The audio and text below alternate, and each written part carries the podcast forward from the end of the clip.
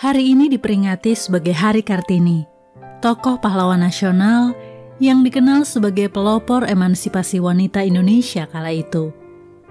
Pada usianya yang masih muda, bahkan hidupnya yang relatif pendek, yaitu 25 tahun di bumi, namun wanita kelahiran Jepara ini memiliki dampak hidup yang hebat.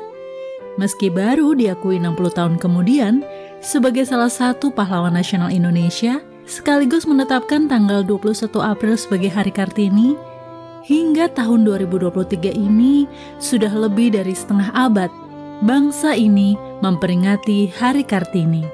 Hai wanita, kita adalah Kartini-Kartini masa kini. Apa yang sudah kita perbuat bagi sekitar kita?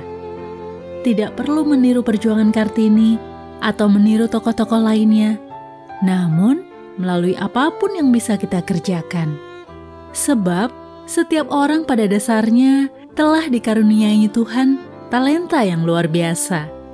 Bagi yang pandai memasak, memasaklah yang terbaik. Yang pandai bernyanyi, jadilah penyanyi yang baik. Yang pandai menulis, menulislah karya yang baik dan sebagainya.